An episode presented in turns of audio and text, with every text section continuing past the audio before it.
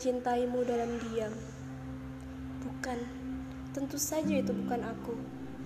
Aku tak pernah benar-benar mencintaimu dalam diam.